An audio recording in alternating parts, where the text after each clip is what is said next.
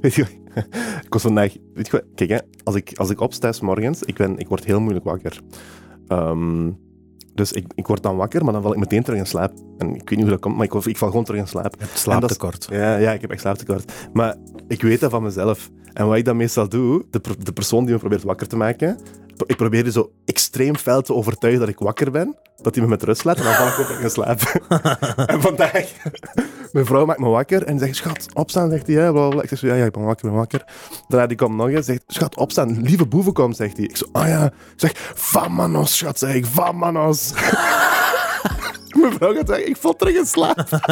Dat is exciting. Allee, allee, veel indruk heeft het niet gemaakt. Dan. Precies niet zo heel veel.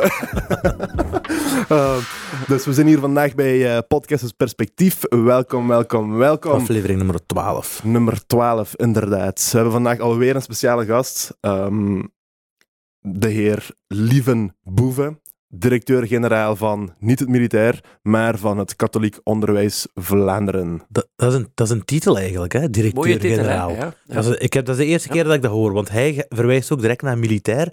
ik, denk omdat, ik denk dat als je directeur-generaal wordt, dan denk ik ook, hoe komt dat eigenlijk, die titel? Weet je dat? Ja, maar eigenlijk is dat redelijk simpel. Ehm, dat is gewoon een, eh, ja, een, een, een erfenis uit het Frans. Maar Ah. generaal betekent algemeen. Oké. En ja. eigenlijk is dat algemeen directeur. Ah, ja. Oké, Ah ja, algemeen directeur. Voilà, dat klinkt Ja. al een beetje... eh, maar eh, directeur-generaal past wel hoor. Ja, dat klinkt, dat klinkt, klinkt dat mooi, hè? Eh, Er zijn er ook niet zo overdreven veel andere. Dus, eh, Nee, nee. maar directeur-generaal, dus algemeen directeur van het katholiek onderwijs. Wat, van Katholiek Onderwijs Vlaanderen. van het ja, katholiek onderwijs van, dat is groot genoeg hoor. Nee, maar Katholiek Onderwijs Vlaanderen is eigenlijk een organisatie Oh. die de katholieke scholen ondersteunt. Ah ja. Dus ik ben eigenlijk niet, want vaak denkt men dat ik de baas ben van alle katholieke scholen. Dat klopt niet. Mhm. ik, ben, eh, ik leid de organisatie die alle katholieke scholen ondersteunt, vertegenwoordigt, de belangenbehartiging doet. Dus als er problemen zijn, dan moeten we bij u aan, aan, aan Ja, gaan aankloppen. ja, maar niet in individuele scholen, dan moet u bij het schoolbestuur zijn. Ja. Maar als er eh, bijvoorbeeld met de politiek moet gesproken worden, dan is het niet zo dat al die schoolbesturen, al die directeurs apart met de minister spreken. Dan zeggen ze, boven, jij ja. moet dat doen voor ons. Ja. Dus dan heb Ja. je wel een close relatie met de ministers. Ja, soms een beetje te close. Hè. Eh, Hoe bedoel je? Wel, we zijn eh, een paar weken geleden samen naar Engeland geweest en Ja. eh, allemaal met corona teruggekeerd. Dus, eh. Ah, Echt waar? Hoe heb je dat opgevangen? Wel ja, ik weet het eigenlijk niet. Jullie Eh, op, eh, een druk eh, nachtje uit? eh, ja, de- was, de het maar, was het maar waar, was het maar waar. ik denk vooral omdat wij eh, ja, gedurende de dag in een te klein, onverlucht lokaal, zonder CO2-meters, al die dingen die wij in Vlaanderen zeker niet mogen doen. Dus daar, is, Eh, daar zijn we- ze nog niet zo ver misschien? Of? Ah, wel, ik weet het niet. We hadden wel een, eh, een, een zelftest gedaan, een negatieve zelftest vooraf. Maar blijkbaar, misschien onder de Britten, dat er een superverspreider was. Ja, maar het resultaat was wel dat ongeveer iedereen die mee was, eh, teruggekeerd is met corona. We hebben zelfs de krant gehaald. Echt waar? Ja. In welke krant dan? Ja, het nieuwsblad, denk ik. Ja. Eh, en met welke minister was hij daar? Dat was mijn minister hè, de minister Ah, van Onderwijs. Ja, ja. Zit je tevreden van, van minister Wijts? Goh, ja, voor zover dat je van een minister tevreden kunt zijn. dat is Ehm, het probleem, denk ik. Het is zo dat eh, ja, je uiteraard altijd een aantal verwachtingen hebt ten aanzien van een minister. Er is ook een regeerakkoord. eh, ja, wat ons betreft zou het gerust wat meer mogen zijn. Ehm, maar goed, ja, de relatie is, eh, is niet overdreven slecht. Allee, wij, wij onderhandelen ook. maar goed, ja, het, is, het, is, het is een minister met heel eigen ideeën over onderwijs. En dat spoort niet altijd Ja. met onze ideeën. Maar ja, dat is de politieke discussie die dan gevoerd wordt. Hè. Ja. Ja, en, en, en hoe breng je de minister eigenlijk tot, eh, tot, tot de gedachte dat er, tot de veranderingen die er willen gedaan worden eigenlijk? Of hoe, Ja. eh, hoe fel heb jij het gevoel dat eh, jij overtuigingskracht moet, moet Maar- doorwegen? Maar het is dus zo dat als ik dingen zeg, dan is het niet lieve boeven die dingen zegt. Dan, dan is dat omdat wij dat opvangen bij onze directeurs, bij onze schoolbesturen. Dus er is al genoeg over gepraat geweest tot dan Ja, ja, dat, op dat moment, ja, dat is dan, als ik ja, met de minister spreek, is dat een gedragen standpunt vanuit ja, heel ons netwerk. Ja, en ons netwerk staat voor 60, 70 procent van alle scholen in Vlaanderen, dus dat is nogal wat. Mhm. Dus eh, ja, als ik bijvoorbeeld aan de minister zeg, ja, kijk, de energieprijzen swingen de pan uit. Het is dringend tijd dat eh, de werkingsmiddelen van de scholen, ja, dat daar eens naar gekeken wordt, want anders gaan we een aantal scholen hebben die hun facturen niet meer kunnen betalen. Dan is dat niet omdat ik dat eens bedacht heb, maar dat is er omdat wij heel, heel veel feedback krijgen van scholen die een begroting aan het opmaken zijn, of een soort begrotingscontrole doen, en die, en die zien dat de cijfers, dat die de pan uitswingen. Hè. Ja, Ja, dus, dus deze conversatie is geweest dan? Of heeft die is al, ja, ja, ja, gevoerd. En hoe, en hoe is die dan? En hoe eh, heb je de Dat is op een koude steen gevallen. Ja? Dat is op een koude steen gevallen, maar ja, wij, wij geven niet op. Hè. We zullen wij, in, in, in beginsel gaan wij altijd eerst rechtstreeks naar de minister. Als dat niet lukt, ja, dan, dan, dan zoeken we andere kanalen. Hè. We naar het Vlaams parlement of naar Ja. de pers. Ja, wij, dat is onze, onze job, is om alle kanalen Mhm. te gebruiken om eh, die zaken die we zien en waarvan we vinden dat er een oplossing voor moet zijn, om die onder de aandacht te Dat is ook brengen. hetzelfde probleem natuurlijk eh, de duurtijd. Hè. Dat duurt natuurlijk wat langer. Hè? Ja. En op die manier krijg je minder eh, dingen gedaan, denk ik. Hè? Ja, dat is waar, maar soms kunnen er beslissingen met terugwerkende kracht genomen worden. Oh, ook, oké. Dus- voilà. Ja, ja. Ja. Maar waar heb je dan concreet voor gevraagd in, in, in dit geval? Wel, voor de energiefacturen, ehm, omdat we ook wel gemerkt hebben, de BTW bijvoorbeeld voor particulieren eh, Mhm. wordt verminderd Mhm. voor, eh, Ah, voor ja. energie, maar voor scholen niet. Ah, ja, ja. Terwijl, en de werkingsmiddelen, oké, je kunt u wel zeggen, en dat is dan het argument, ja, maar goed, eh, de indexaanpassing, maar ja, de werkingsmiddelen worden niet volledig aan de index aangepast. Ja. Dus dat betekent dat we eigenlijk met een collectieve verarming bezig zijn. Ja, ja. Eh, dus we gaan een index aanpassen. Men spreekt over 8% index. Dus dat is 8% eh, ja, verarming op uw budget. Ja. Bovendien, en ja, dat, dat weten de meeste mensen niet, maar als er heel veel Oekraïnse kinderen in ons onderwijs komen, Wat gaat zal gebeuren, wat zal gebeuren, dan, dan is dat ook een element van collectieve verarming. Omdat alle kinderen die erbij komen, minder werkingsmiddelen genereren dan diegenen die er al zijn. En, dus dat, en dat wordt over het geheel dan uitgespreid. Mhm. Dus wij hebben eigenlijk al berekend, als er heel veel leerlingen eh, van Oekraïne zouden bijkomen, Wat is heel veel ongeveer? rond 60.000, 60.000, ja. dat we 3, 4, 5 procent verarming krijgen op de werkingsmiddelen. Automatisch eigenlijk. Automatisch. Terwijl de energiefacturen stijgen, terwijl de, de, de facturen ook voor, voor alle materialen, hè, denk, denk aan een technische school, hè, Ja, alles, hè. Alle, alle, alles is ja, een beetje aan het stijgen. Grondstoffen zelfs. Eh, ook, ja, ook een, ja, dus dat stijgt allemaal. Eh, ja, ook, ook ja, scholen die aan het bouwen zijn, ja. ja. die, die zien ook die facturen. Ja, De oorspronkelijke begroting, die, zien Metalen die, worden duurder of alle... ja, die, die, die, die zien dat allemaal oplopen. En ja, wij krijgen toch heel, heel veel alarmsignalen dat eh, het voor, voor scholen eh, een zeer zware dobber zal worden om alle facturen te En betalen. hoe, lang, en, en hoe lang zal het duren voordat we daar... Want we zeggen altijd, het zal zo zijn, of eh, corona zal eh, impact hebben op de economie, maar wanneer zal dat dan... Wanneer Dat is die... nu al zo, hè? Dat Ja. is nu al zo. Zeker voor energie, omdat corona daar ook een element in was. Al die deuren en ramen Mhm. hebben opengestaan en staan nog Ja. open. Dat- dus, dus- dat betekent ja. dat er meer gestookt wordt ook. Maar dat, Ja. dus dat was ook iets wat ik niet, wat ik niet zo goed begrijp. Dus je zit volle bak aan het stoken en alle ramen die staan open. Dus die kinderen zitten met hun jassen binnen. Ja, ja, ja, ja, ja. ja, dat was een zeer vreemde situatie. En dat heeft natuurlijk ook te maken met het feit dat het gebouwenpark van ons onderwijs eh, dat dat eigenlijk suboptimaal is. En dat, ja, er is ooit een minister die gezegd heeft, stenen betogen niet. En wat betekent dat? Dus hij heeft alle geld dat er was in personeel gestopt. hè. Mhm. Wat, wat, wat goed is, hè, want ik vind mensen die in het onderwijs staan, mogen goed betaald worden. Maar natuurlijk, het is nooit een keuze. Ja, het is nooit een keuze tussen personeel en, en goede gebouwen. Ah, op Ja, die je- manier, ja. ja, Je ja. hebt ze allebei nodig. Inderdaad, ja. En dus we zitten eigenlijk met een gebouwenpark dat eh, verouderd is. Vandaar dat je dan inderdaad van die, in plaats van... Ja, in een oud gebouw moet je niet investeren in dure ventilatieinstallaties. Je kunt daar beter een nieuw gebouw zetten en zorgen dat er daar eh, goede ventilatie in zit. Wat eigenlijk betekent dat we op die heel klassieke manier zijn moeten gaan ventileren. En dat betekent, ja, een deur open aan de ene kant, een raam open aan de andere kant. Zorgen dat er wat verluchting... Het is ook niet dat alle ramen open Nee, stonden, hè. Hoewel dat er constante luchtstroom was, maar goed, dat zorgt ervoor dat je wat meer moet stoken om de temperatuur wat draag, draaglijk te houden. Hè. Ja. Ja, als we het dan hebben over, eh, eh, over het klimaat en zo, is dat ook niet eh, het, beste wat er gaande is. Hè.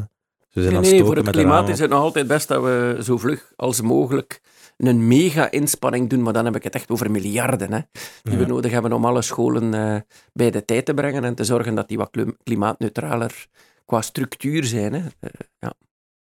Met, met warmtepompen, met, eh, met al dat soort zaken, zodanig dat je inderdaad wat minder energie moet gebruiken. Mhm. Ja. Ik heb een vraagje. We, hebben, we hebben onlangs gelezen dat er een serieuze aanpassing is geweest in, de, in het onderwijs in Wallonië. Eh, over het verkorte, eh, Van de vakantie. over de verkorte zomervakantie. Ja. Eh, kijken, wij, kijken wij naar een tijd waar we dat hier in Vlaanderen ook... Want ik, allee, ik weet persoonlijk niet of ik, of ik daar zo'n voorstander van ben. Wel, dat is eigenlijk wat in Vlaanderen eh, he- veelal klinkt. Je merkt eigenlijk dat, men- dat we daar zeer verdeeld over denken. Ehm, ja, zowel personeel, maar ook bij ons, allee, in, in het netwerk zelf. Het is wel zo dat ik denk dat eh, een heel aantal mensen wel gevoelig zijn voor dat pedagogische punt. Hè? Namelijk dat kinderen die bijvoorbeeld niet, waarvan Nederlands niet de moedertaal is, Mhm. eh, en die in de vakantie heel weinig uitgedaagd worden om, om de schooltaal dan, dan te spreken, dat er heel wat leerverlies is. En dat, ja, en dat je dat zou kunnen beperken als je, als je, als je want, want dat is het voornaamste argument, hè, het leerverlies van Ja. die groepen die ja, in ons onderwijssysteem, ook omwille van sociale achtergrond, Een zomerschool, hè? ja. Een zomerschool, ja, maar goed. ehm, dat is dan, ja, de vraag is, is dat de oplossing of is de oplossing niet? Want het, is, het gaat niet alleen over een verkorting van de zomervakantie, het gaat over een verschuiving van vakanties. Hè. Ah ja, oké. Dus, maar dat- allee, het is niet zo dat er gewoon twee, eh, twee weken meer school... Maar bij een zomerschool is dat wel. Hè. Bij een zomerschool heb je gewoon twee weken meer school voor Ja. die kinderen. Ah, dus, Ja, dus hoe is dat dan ja. in Wallonië nu? Dus, Eh, ze ja, er, er- we krijgen vier vakanties van, eh, van, van 14 dagen dan. Hè, terwijl we er nu twee van 14 dagen hebben en twee van een week. Dus de herfstvakantie en de krokusvakantie worden ook 14 dagen. Dus uiteindelijk heb je Ah. evenveel vakantie. Ja. Gewoon dat is een gewoon minder anders- lange Ja, zomervakantie. er wordt een minder lange zomer zodanig dat die, die gap die ah, ja. tussen... Maar makes more sense zo, maar zo werd dat wel niet gecommuniceerd op de media. Maar Het is altijd, werd- hè? Ja, de- ja. Dat is altijd, hè? de een media die ik beluisterde wel, ik weet Ja. niet. nieuwsblad, het nieuwsblad. Ehm, Ja, dus in die zin... eh, en, maar, maar er zijn natuurlijk ook bijvoorbeeld de leerlingen... Ja, zijn, ja, ze zijn ook wat sceptisch, omdat ze zeggen, ja, maar een vakantie in het schooljaar, die zal gebruikt worden door leraren om extra taken te geven. Terwijl, meer zomervakantie, dat is gewoon vrij. Ja. Omdat je natuurlijk hebt het schooljaar afgerond en je begint een nieuw schooljaar. Ja, is het vooral, hè? En, dus, en ik denk dat de, leer, dat de leerlingen zelfs niet, niet volledig ongelijk hebben Mhm. als ze denken dat dat, dat vrezen. Allee, dat, dat, dat leraren zullen zeggen, ja, voor een boekbespreking, ja, ja, je hebt gewoon een week meer. Hè. ja, dat is Ja, waar. ja, dat is een reële verwachting van die kinderen. Die gelijk. Dus ik, ja, ik denk voor een stukje dat dat... eh, ja. Ook, ja, maar ook bijvoorbeeld jeugdbewegingen, eh, en zeker die jeugdbewegingen die, ja, die, die, die op kamp willen gaan, die Hm. tien dagen, hè, maar we hebben jeugdbewegingen die tot tien dagen op kamp gaan. Hè. Ja. Ja, als daar nog een, een vakantie van de ouders bij moet, ook die, die kampplaatsen zijn niet allemaal tegelijk beschikbaar. Ja. Ja, in twee maanden kun je ervoor zorgen dat dat wel rendeert. En dan zeg, dan, het argument is dan, ja, maar een aantal van die kampen zullen dan verschuiven naar die, naar die andere weken vakantie. Ik denk dat dat ook zo is. Mhm. Maar dan moet ook de universiteit en de hogeschool. Alles Alles, gaan moet, aanpassen. ja, want, dat, beetje want dat zijn de leiders van die, allee, en, en- Die kampen, en de, mon- ja. de monitoren. Dus, dus, allee, dus in- dat is ook de reden waarom dat wij vanuit katholiek onderwijs zeggen, ja, maar we, we willen gerust dat gesprek voeren. En als er een pedagogische winst is voor kinderen die, die, die wat kwetsbaarder zijn, dan moeten we daar grondig over nadenken. Maar wij willen wel alles zichtbaar maken. Ja. Eh, bijvoorbeeld ook de, want er zijn ook kinderen die leren winst in de vakantieboeken. Hè. Als jij met je ouders een mooie vakantie kunt maken, eh, ja, als je wat uitgedaagd wordt van thuis uit om ook een keer ja, ergens naartoe te gaan, dan, dat, dat wil ik zichtbaar maken, maar ik wil ook zichtbaar maken... Allee, jeugdbeweging, wij hebben eigenlijk in Vlaanderen, en dat is wereldwijd, zijn wij wat dat betreft eh, ja, u- voor een stukje uniek. Ja. Dus het, het jeugdwerk, zo, zoveel kinderen die bij de Giro zijn, die bij de KSA zijn, die bij de Scouts zijn, Mhm. die, die, die, die naar vakantiekampen gaan. Ja. En we zijn daar redelijk uniek in. En dat is toch ook niet iets dat we willen prijsgeven.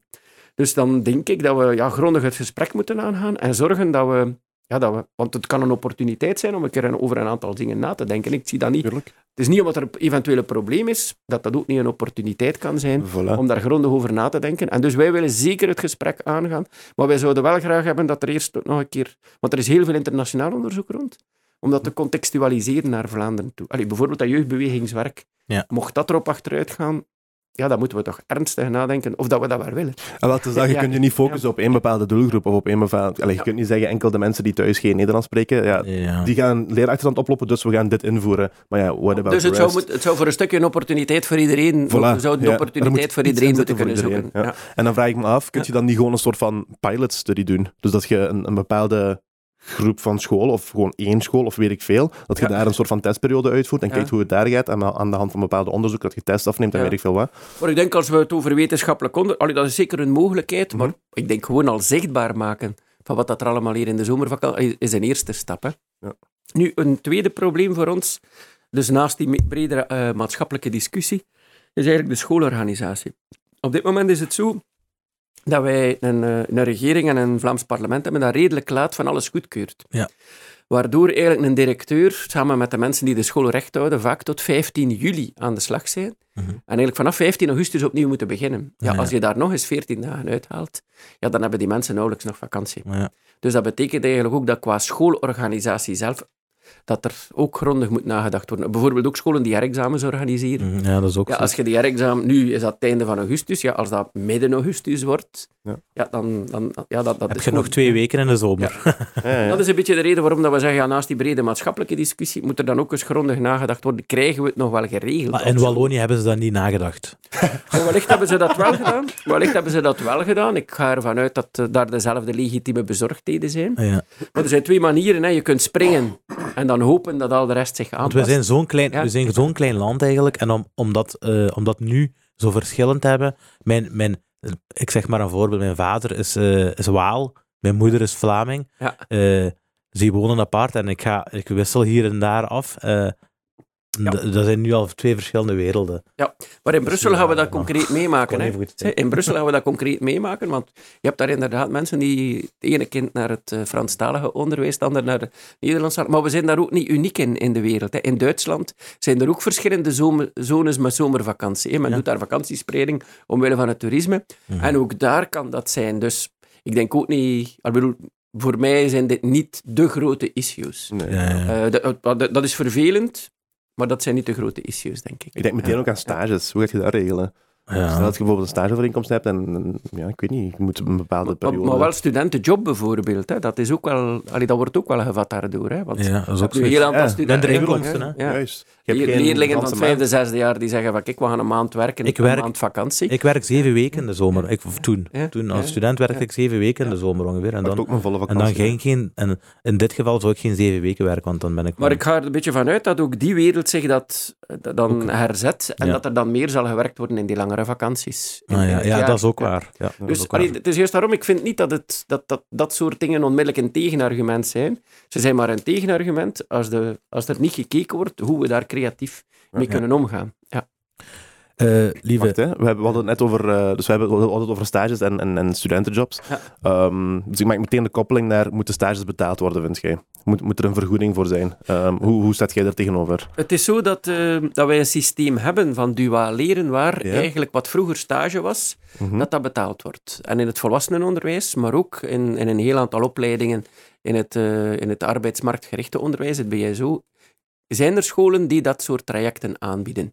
Nu, eh, dat zijn trajecten waarbij je meer dan de helft van de uren dan, allee, de helft tot meer dan de helft van de uren eh, voor een werkgever gaat werken. En daar, daar is ook een arbeidscontract bij. Mhm. hè. Dus bijvoorbeeld, Dus dat wordt iemand, ook iemand in, de, in de toekomst dan, of hoe? Nee, nu, Wat nu momenteel dit, dit duaal kan nu wel. leren Dit, dit ja. kan nu wel. Dit Maar kan dat, is, nu wel. maar dat is nog iets anders dan bijvoorbeeld een stage. Want mijn vrouw doet doen- stage momenteel. Ja. Dat is wel in het hoger, hè? Ja, dus zij doet stage in een boekhoudkantoor. Ja. En daar... eh, Nee. Nee, maar er is een verschil tussen dingen inoefenen die je op school geleerd hebt Mhm. en dingen gaan leren op de werkvloer zelf, Mhm. waarbij je eigenlijk ja, heel actief ook, omwille van het aantal uren, hè, En het actief aan, aan de productiviteit, want een heel jaar, meer dan de helft van de tijd, Stage bijvoorbeeld bij een landbouwbedrijf, bij een tuinbouwbedrijf werken of Dat is een bouwbedrijf werken, als je dan niet mee vergoedt, Dat is uitbuiterij. dan, een dan, eh, ja. terwijl een stage meestal, dat gaat over een aantal weken, Mhm. een paar, eventueel één één of twee maanden, Drie maanden. eh, waarbij je eigenlijk vooral een werkgever leert kennen. Het is ook wel, en, en, en leert, ja, eigenlijk in de praktijk Mhm. ziet Meedraaien. datgene wat dat je geleerd hebt, eh, en dat is iets anders, hè, dat is meer inoefenen. Mhm. Ik denk ook de, ja, de, de, de netto return voor die werkgever in relatie tot de inzet, want ja, je moet die mensen ook voor een stukje opleiden. Het netto rendement voor een werkgever is ook niet zo groot, terwijl in duaal leren is dat wel, hè, want je leidt je eigen medewerker op Ja. die je lange tijd eh, voor u eh, ja, beschikbaar hebt. En dus in die zin kan ik daar wel mee leven dat daar een, een onderscheid in is.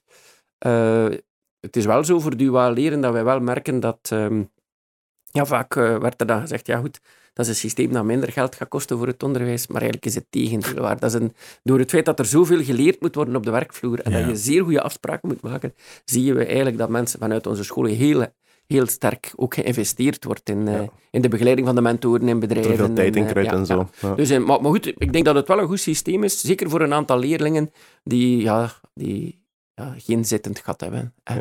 En die op de banken, hè, eh, zodanig dat die in, in de praktijk kunnen, eh, kunnen gaan werken. Maar als we kunnen terugkomen erop, eh, zoals hij zegt, zijn vrouw doet stage.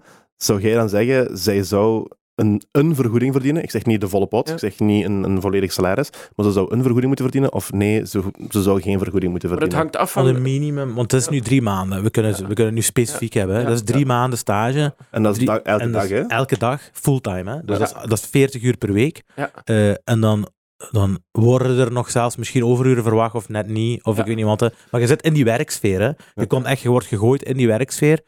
En dan zonder... ja, maar voor mij hangt het af van, ja, van, van de aard van de stage. Is het eerder inoefenen wat je op school gezien hebt, waarbij de werkgever vooral investeerde in u. Maar die lijn is dun, hè? Dus die lijn is is- ja, dun. ja, maar vandaar, vandaar dat bij dualeren is die lijn uitgekristalliseerd. Ja. Ook bij het volwassenenonderwijs is die lijn uitgekristalliseerd. En ik weet dat men ook in het hoger onderwijs op dit moment aan het nadenken is, bijvoorbeeld bij verpleegkunde. Ja. Er is een vierde jaar verpleegkunde bijgekomen. Dat laatste jaar is vooral stage. Daar past ook een vergoeding bij. Ah, ja, Dus je ziet, die discussie ja, die is bestaat, eigenlijk, eh, die bestaat. En ik denk ook dat het goed is dat die gevoerd wordt. Maar ik vind het tegelijk ook wel goed dat we een onderscheid blijven maken tussen dingen Ja. inoefenen Inderdaad, die je ja. leert en, en actief bijdragen aan een... eh, Ja. aan- Maar ik denk, ja. in, in, in dat voorbeeld van zijn vrouw, denk ik, durf ik zeggen dat het misschien de eerste maand inleren is. Is waar, En ja. de andere twee maanden is toch wel dat je een serieuze bijdrage levert aan de, aan de werkgever. over individuele... Ja, daar kan ik... Kan, ja, Nee, nee, tuurlijk. Ja, ja, maar, ik ik wil maar vind- zeggen, maar in het zo'n situatie...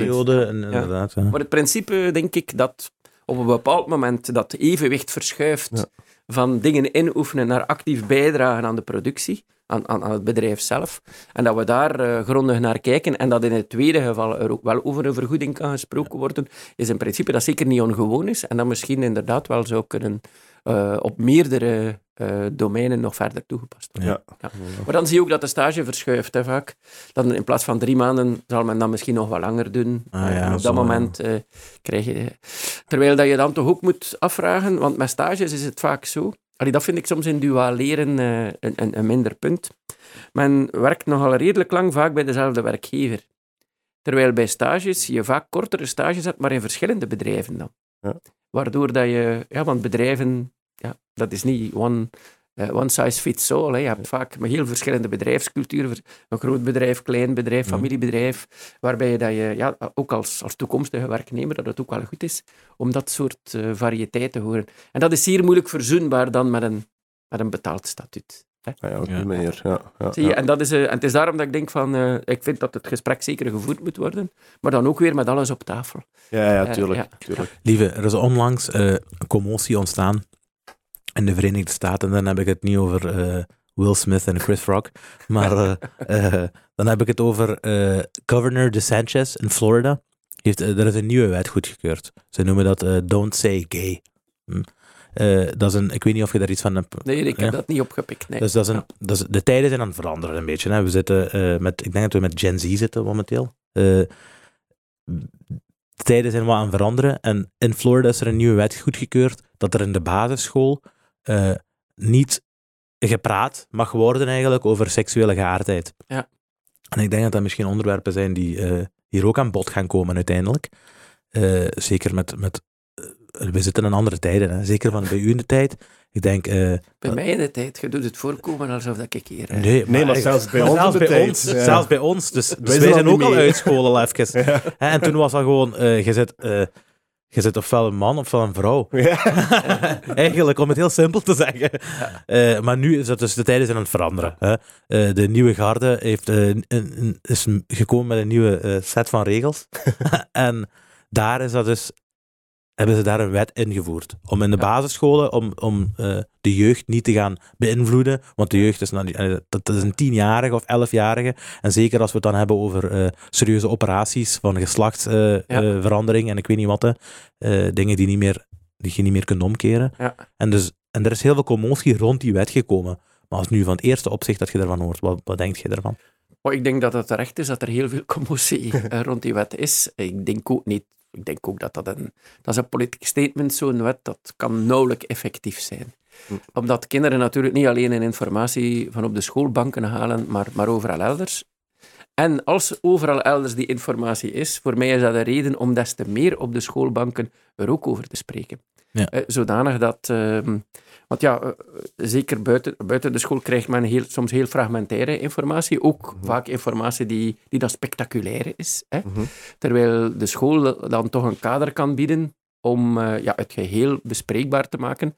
En ik moet ook zeggen dat, eh, allee, als ik kijk hoe eh, op dit moment onze leerplannen eh, rond, rond seksuele opvoeding, rond genderidentiteit, ja, daar zie je ook dat, eh, ja, dat het op een heel genuanceerde Zijn manier daar, zijn daar alles, wijzigingen ter, nu? alles ter sprake kan komen. Ja. Zijn Ja. daar nu wijzigingen dan van... Maar dat is al een hele tijd zo. Hè? Want ik heb, Ja. ik heb daar nooit iets van Ik gehad. heb er ook nooit eens bij, van mij, bij gehad. mij is seksuele opvoeding, ik denk dat ik dat in mijn tweede jaar heb gehad, kan dat? Misschien zoiets, ja. Tweede of derde jaar, denk ik. Het gaat hier veel breder dan seksuele opvoeding. Dit Ja. gaat eigenlijk over genderidentiteit. Ah, wel, Ja, dat heb ik ja, ja. nooit gehad. Genderidentiteit. Maar, maar goed, maar ik denk dat dat eigenlijk... Dat is ook wel iets van de laatste jaren. Ja, inderdaad, Zeker ja. waar. Maar ik zie in onze leerplannen dat daar toch eh, aandacht voor is. Er is ook wel wat aanbod eh, vanuit, eh, vanuit organisaties. Allee, voor scholen die het wat moeilijker hebben om dat zelf ter sprake te brengen. Ja. Ja. Eh, die kunnen ook eh, bij, een andere, bij een organisatie een begeleider eh, vragen. Het, het is wel zo natuurlijk dat ik dat... Allee, en dat is een beetje des mensen, dat niet iedere leraar daar even spontaan en eh, van harte Tuurlijk. dat geeft. Vaak om, om- ook omdat het een beetje aan de persoonlijke levenssfeer raakt. Hè. Ja. Ja. Ehm, maar, maar we merken toch dat scholen daar, eh, ja, daar toch op een, op, op een volwassen manier mee omgaan. En die scholen die het zelf wat moeilijker hebben, dat die dan ja, een VZ2 die, die pakketten aanbiedt, eh, die, die, die daar dan mee aan de slag gaan. Mhm. Dus wat dat betreft denk ik dat, eh, ja, in tegenstelling tot jullie Nu, dat is- mijn opvoeding, om het dan zo te zeggen, dat, eh, ja, die, dat die variëteit toch wel wat, wat meer ter sprake kan komen. En bijvoorbeeld ook het feit dat, eh, ja, dat, dat liefdesrelaties niet alleen vanuit de hetero-relaties bekeken Mhm. worden, maar dat de hele variëteit eh, aan bod kan komen, dat dat toch wel... Mhm. Wat niet betekent dat... ehm, Ja, dat, het, dat... dat, het, dat het zomaar allemaal naast elkaar gezet wordt. Ik denk wel dat het de bedoeling moet zijn om jongeren uit te dagen, om daar actief mee aan de slag te gaan en na te denken. Wie ben ik en wat is voor mij daar waardevol in en wat vind, ik belangrijk Mhm. daarin? Hè? Omdat, eh, ja, ik denk niet dat we... Allee, het, het relativisme, alles kan, betekent niet alles kan voor mij.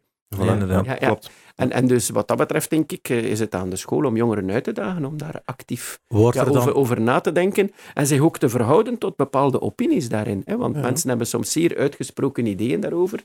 Zeggen van, kijk, als ik daar nu over nadenk... Allee, bijvoorbeeld over die wet. Die wet zou een mooie, mooie aangelegenheid zijn, hè. een discussiepunt zijn, om te zeggen van, ja goed, oké, moet je jongeren beschermen daartegen of moet je jongeren voor een Ja. stukje weerbaar maken, wapenen, om eh, over dat soort thema's in gesprek te gaan, is op zich eigenlijk al een gesprek. Ja. Mhm, inderdaad. Maar ik vind het heel mooi wat je net zei. Ehm, Ja. Het feit dat de informatie die buiten school wordt gecommuniceerd, of waar, waar mensen in- informatie halen, het moet niet daar blijven. Dat is mooi dat er dan op school kan gebracht worden, waar er, dat er omkaderd, kan, Ja. omkaderd kan worden. Ehm, Ja, om- en ik om denk die leerlingen school- daar een beetje in te begeleiden. hè. Uiteindelijk haalt je ook die meningen van de leerkrachten zo weg, denk ik. Hè? Ik denk dat je dat op die manier... eh, Ja, maar de mening van de leerkracht doet er ook toe. Hè? Maar er zijn verschillende manieren om als leerkracht uw mening binnen te brengen. Ja. Ehm, ik denk eigenlijk de rol van, van, van een leerkracht, zeker als het over zo'n zaken gaat. Hè? Ten eerste, hij kan dat moeilijk helemaal losmaken van zijn eigen leven. Ja. Vandaar dat ik zeg, er zit daar een persoonlijke kant in. Hè? Ja. Ja, dat is waar. Maar ik, Zou- maar ik leraar even Ja, ja. Want ik, ik, ik, kom, ik kom nu, omdat je dat zegt, mijn vrouw is ook een leerkracht. Ehm, en zij gaan op, naar een bezinningsmoment, naar een abdij ergens in Diest, denk ik. Een aanverboden kant? Ja, aanverboden, juist. Ja, ja. Dus daar gaan ze op bezinning, maar dat is tijdens de Ramadan. Dus deze maand, dat is tijdens de Ramadan. En mijn vrouw is moslim en zij heeft nog drie leerlingen die ook moslim zijn. Mhm. Dus zij stuurt een mail hè, naar, eh, naar een pastoor, denk ik daar. Van kijk, zo en zo, ik zie dat wel zitten. Om, Ja. om zelf dan te koken voor drie leerlingen. Ja. Ehm, en die pastoor zei: Maak je geen zorgen, dat, dat wordt geregeld. Dus Ja, dat, is- dat, is ik- ook, dat is ook zoiets moois. Maar ik ken die mensen, dat zijn Norbertijnen. Hè? Ja, maar dat is ook, eh, ook wat ik wil zeggen, zo de mening van de leerkracht. Allee, daar speelt dan de leerkracht wel een, een mooie rol in, vind ik. In, in die connectie, in die verbinding Ja. te maken. Ja, en ik vind het eigenlijk ook wel... allee, ik vind de beide dingen, het feit dat, ja, dat uw vrouw een initiatief neemt... Dat is en ook mooi, vind ik, ja. Dit, langs de ene en langs de andere kant, dat er dan ook... allee, dat, dat er daar zelfs niet over gediscussieerd wordt. hè, dat Voilà. gewoon zeggen van, kijk, dit moet kunnen, want wij vinden dat iedereen belangrijk is. Dat iedereen mee moet kunnen op die, op die, ja, eh, die, die bezinningen. Ja, voilà. Dus, maar, allee, eh, dat, dat getuigende voor een stukje. Ten tweede, je bent ook expert. Hè? Je moet zo'n dingen niet doen als je niet op een of andere manier je goed geïnformeerd hebt. Vandaar, en er is eigenlijk wel goed materiaal beschikbaar. En ten derde, je bent ook een beetje moderator natuurlijk in zo'n gesprek. Hè? Ja. Omdat het precies zo dicht bij de jongeren aanzit, ja, moet je ook rekening houden met het gesprek zelf. Ja. En bijvoorbeeld als er, als er bepaalde leerlingen respectloos binnenkomen, en je zegt van, kijk, ja goed, ja, zo, babbel, zo praten wij hier niet met elkaar, kun je dat ook niet op een andere manier zeggen. Als bepaalde taal gebruikt wordt die vervreemdt, hè, dat je zegt van, ja, kijk, we kunnen dat toch ook op een andere manier. Mhm. Dus, eh, en, en die drie rollen, en ik denk als leraar op dat moment is het wel belangrijk om die drie rollen goed te onderscheiden ook. En als je als expert binnenkomt, of als, vanuit je persoonlijke opvatting, dat zijn twee verschillende, dat zijn twee verschillende stemmen. Ja. Die allebei in verschillende situaties. En die eigenlijk allebei wel nuttig zijn, want het is ook door soms persoonlijk stelling te nemen, dat je echt ook met leerlingen persoonlijk in gesprek kunt gaan. Voilà, Ja. als je hun kunt raken en dat je Ja. hun dingen kunt doen beseffen. Hè. Ja. Ja. Eh, over, over dat, hè, over persoonlijke gesprekken met leerlingen. Ik denk dat ook in de afgelopen jaren dat, eh, dat eh, die noodzaak daarin ook is gestegen. Dan heb ik het over eh, het CLB. Dan heb ik het niet over het laatste album van Drake. Hm. Maar eh, eh, dat is waar. Wo- hoe worden die, hoe worden, worden er daar dan ook? Want ik denk dat de, dat de CLB nu, ten opzichte van bij ons in de tijd, dat die het drukker hebben. Of, of het drukker mogen hebben al sinds. Want ik denk dat eh, mentaal welzijn en ik weet niet wat, dat dat allemaal eh, wat belangrijker is geworden. Of eh, meer op de kaart. Ja, toch? Bij ons, bij ons was er één persoon in het CLB. Ja, ik denk nu één persoon. Het moet een goeie zijn, hè? Ja, ik weet niet. dat moet een strijder zijn. moet een goeie zijn nu. Ehm, ja, het is zo dat eh, het CLB werkt vaak met anker, ankerpersonen die aan scholen gekoppeld zijn. Hè. Mhm. Ehm, en inderdaad, ja, alles hangt dan af van die persoon. Hè. Mhm. eh, en gelukkig zijn er heel, heel veel goede mensen. Hè. Eh, zoals in het merendeel van ons onderwijs. Hè. Eh, heel veel goede mensen. Nu, het punt is natuurlijk wel dat ik ook wel merk dat... eh, en, en corona heeft dat... Corona is eigenlijk een soort vergrootglas geweest op alles wat er iets bezig was. Ja. En heeft die dingen die eigenlijk aan het gebeuren waren, nog wat uitvergroot. Mhm. En, en zeker ook wat mentaal welzijn. En het is niet alleen in België, hè, het is, eh, of in Vlaanderen. Maar je, allee, alle onderzoeken die op dit moment... Allee, niet, dus de- een heel aantal onderzoeken die ik, eh, waar, eh, die ik eh, gezien heb, zie je eigenlijk dat het mentaal welzijn van, van, van leerlingen serieus achteruit gegaan is met corona. Maar dat was eigenlijk wel iets, denk ik, dat eigenlijk al voor een stukje bezig was. Ja. Mhm. En ehm, dat uit zich natuurlijk in, een- in, ja, in, in, in, in problematieken. Hè, bijvoorbeeld eh, kinderen die, ja, die eetstoornissen hebben, bijvoorbeeld. Is, ook, ook slaap, eh, ook, ook moeilijk nog sociaal contact. die, Mhm. Mhm. Ehm, en, en, maar er is nog een andere manier waarop dat, dat eigenlijk ook blijkt. eh, en dat is eigenlijk dat de discipline op school enorm erop achteruit gaat. Mhm. Dus wij, wij horen van een heel aantal leraren die zeggen, ja, jongeren kunnen zich nog zeer moeilijk concentreren. Ja, daar klaagt mijn vrouw En hoe wordt over. er, en hoe wordt er dan mee omgegaan? Wel, dat is, maar dat is natuurlijk moeilijk, omdat je op een bepaald moment, en, en dat is een beetje een vicieuze cirkel, hè, je hebt eigenlijk schoolse discipline nodig om tot leren te komen. Mhm. En ja, leren van die schoolse discipline is daar ook een element van. Mhm. Dus ik denk dat een aantal leerkrachten echt wel een beetje met een handen in een haar zitten op dit moment. Mhm. En eigenlijk stapsgewijs, dat is het enige manier dat je kunt doen, eigenlijk stapsgewijs proberen om die schoolse discipline er voor een stukje weer in te krijgen. Hè. Mhm. En dat gaat dan over taken die afgewerkt worden, dat gaat dan over, over ja, eh, de, de, de, ja, de orde in de klas, dat gaat Nu, over... nu komt de echte directeur-generaal naar boven. De directeur-generaal van het militair. Orde in de klas. Orde. Ja, maar eh, ja, als je wil tot leren komen, is een, een zekere discipline ook wel, ook wel nodig. En ik denk dat, eh, ja, dat een aantal leraren nu echt heel, heel bewust bezig zijn van hoe bouwen we dat weer op. Mhm. Ja. Hoe zorgen we ervoor dat we... Ja, een aantal van die leerlingen hebben in afstandsonderwijs gezeten. Ook ja, het lerarentekort zorgt ervoor dat er, dat, dat er een periode was dat men heel veel in de, in de studie zat. Hè? Mhm. Eh, ja, en dan zie je dat dat eigenlijk wel weegt op het feit dat leerlingen niet meer in staat zijn om zeven uur, acht uur soms. Ja. Eh, weliswaar van 50 minuten, maar blijven wel, blijft Is wel er- heel veel tijd. Is er daar ook zijn. over? Is er daar ook conversatie over om dat te Zeker, verminderen? Ja, ja. hoor Oh, nee, wel die, aantal uren te verminderen. Nee, maar wat dat er wel eh, zo is, dat is dat we... Op dit moment werken wij met betrekkelijk rigide systemen. eh, van ja, 8 uur 30 s morgens tot... Inderdaad. eh, om... ehm, 15 uur 30. zie- ja, dat tot, ja, dat, oh ja, tot 17 uur soms ook. Het hangt er een beetje vanaf hoe dat, de dagen ingevuld worden. Mhm. Zeker in het secundair. Ja, om te kijken of, zeker als we naar meer hybride systemen zouden gaan, waarbij afstandsonderwijs voor een stukje deel blijft uitmaken, Mhm. om te zien of dat je dan ook niet wat, wat meer zou kunnen eh, flexibiliseren met die uren. Er zijn zeker scholen die daar zouden willen mee experimenteren. Ja, dat is wel interessant. ook wel meer doen, denk ik. Hè? Ja, Ja, ja. Afstands, eh, ik denk afstand. Nee, maar ook algemeen. bijvoorbeeld omdat leerlingen, en zeker ja, bij de pubers, eh, zijn niet zo productief de eerste uren van de dag. Inderdaad. Maar natuurlijk, ja, je doet dit ook niet zomaar, omdat eh, ja, er is een heel leven rond die school. Denk maar aan sportverenigingen, aan muziekschool. Aan, eh, dus als je met de uren van de school begint te spelen, heeft dat natuurlijk ook een effect Op alles op weer. alles Dat wat, wat, heel naschools ecosysteem, gebeurt. Ja. Natuurlijk. En ook op de ouders, want ja, zij hebben hun werk misschien zo geregeld dat je hun kinderen moet halen van school op dat uur en dit en dat. Dus Goed, als we het hebben over die uren, denk veel. ik, gaat het toch vooral over het secundair nu. En ik denk wat basisonderwijs betreft, dat, eh, dat, allee, dat dat niet onmiddellijk aan de orde is daar. Ja, ja, Ja. oké. We hadden het net ook, eh, je hebt heel kort het lerarentekort eh, aangehaald. Ehm, Hm. Enerzijds wil ik vragen of, eh, corona, of wij noemen dat hier het C-word, of dat invloed heeft gehad op het lerarentekort. Heeft het ervoor gezorgd dat er een grotere noem eh, verloop is van leraren? Oh, ik denk of het... Ja, dat, dat, dat kan ik eigenlijk niet zeggen. Ik weet ook niet of er onderzoek is op dit moment, omdat dat in de feiten zou moeten vaststelbaar zijn. Hè. Dat weet ik niet. Het is wel zo dat de effecten van het lerarentekort daardoor, daardoor wel veel zichtbaarder geworden zijn. Ja. Want als er een leraar uitviel, en ja, we hebben ook mensen die zwaar geraakt zijn door, door corona, die ja, één een maand, eh, eh, anderhalve maand echt ja, geen les konden geven.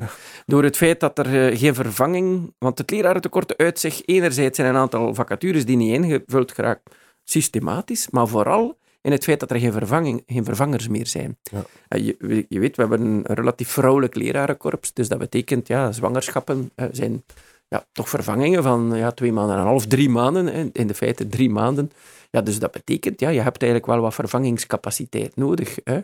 Eh, ook mensen die, ja, die, die, die ziek worden, eh, die een aantal maanden uit zijn, bijvoorbeeld die een, eh, een kankerbehandeling eh, hebben of zo, Allee, die, die kunnen niet zomaar vervangen worden. En dat is eigenlijk het grootste probleem. En corona heeft daar natuurlijk nog een laag op gelegd. Dus iedereen die corona kreeg, ja, kon ook niet vervangen worden. Mhm. Dat is eigenlijk ook de, de reden waarom de laatste weken, ook al zijn we formeel buiten code eh, oranje hè, en Mhm. code rood, Formeel. ja. ja, denk ik eigenlijk voor scholen ja, bijna tot de zwaarste weken behoord hebben, omdat er naast corona er nog een keer griep bij kwam. Ehm, dus ik denk ja, dat er heel veel afwezigheden waren. En aan de goesting, Ja, ja. griep.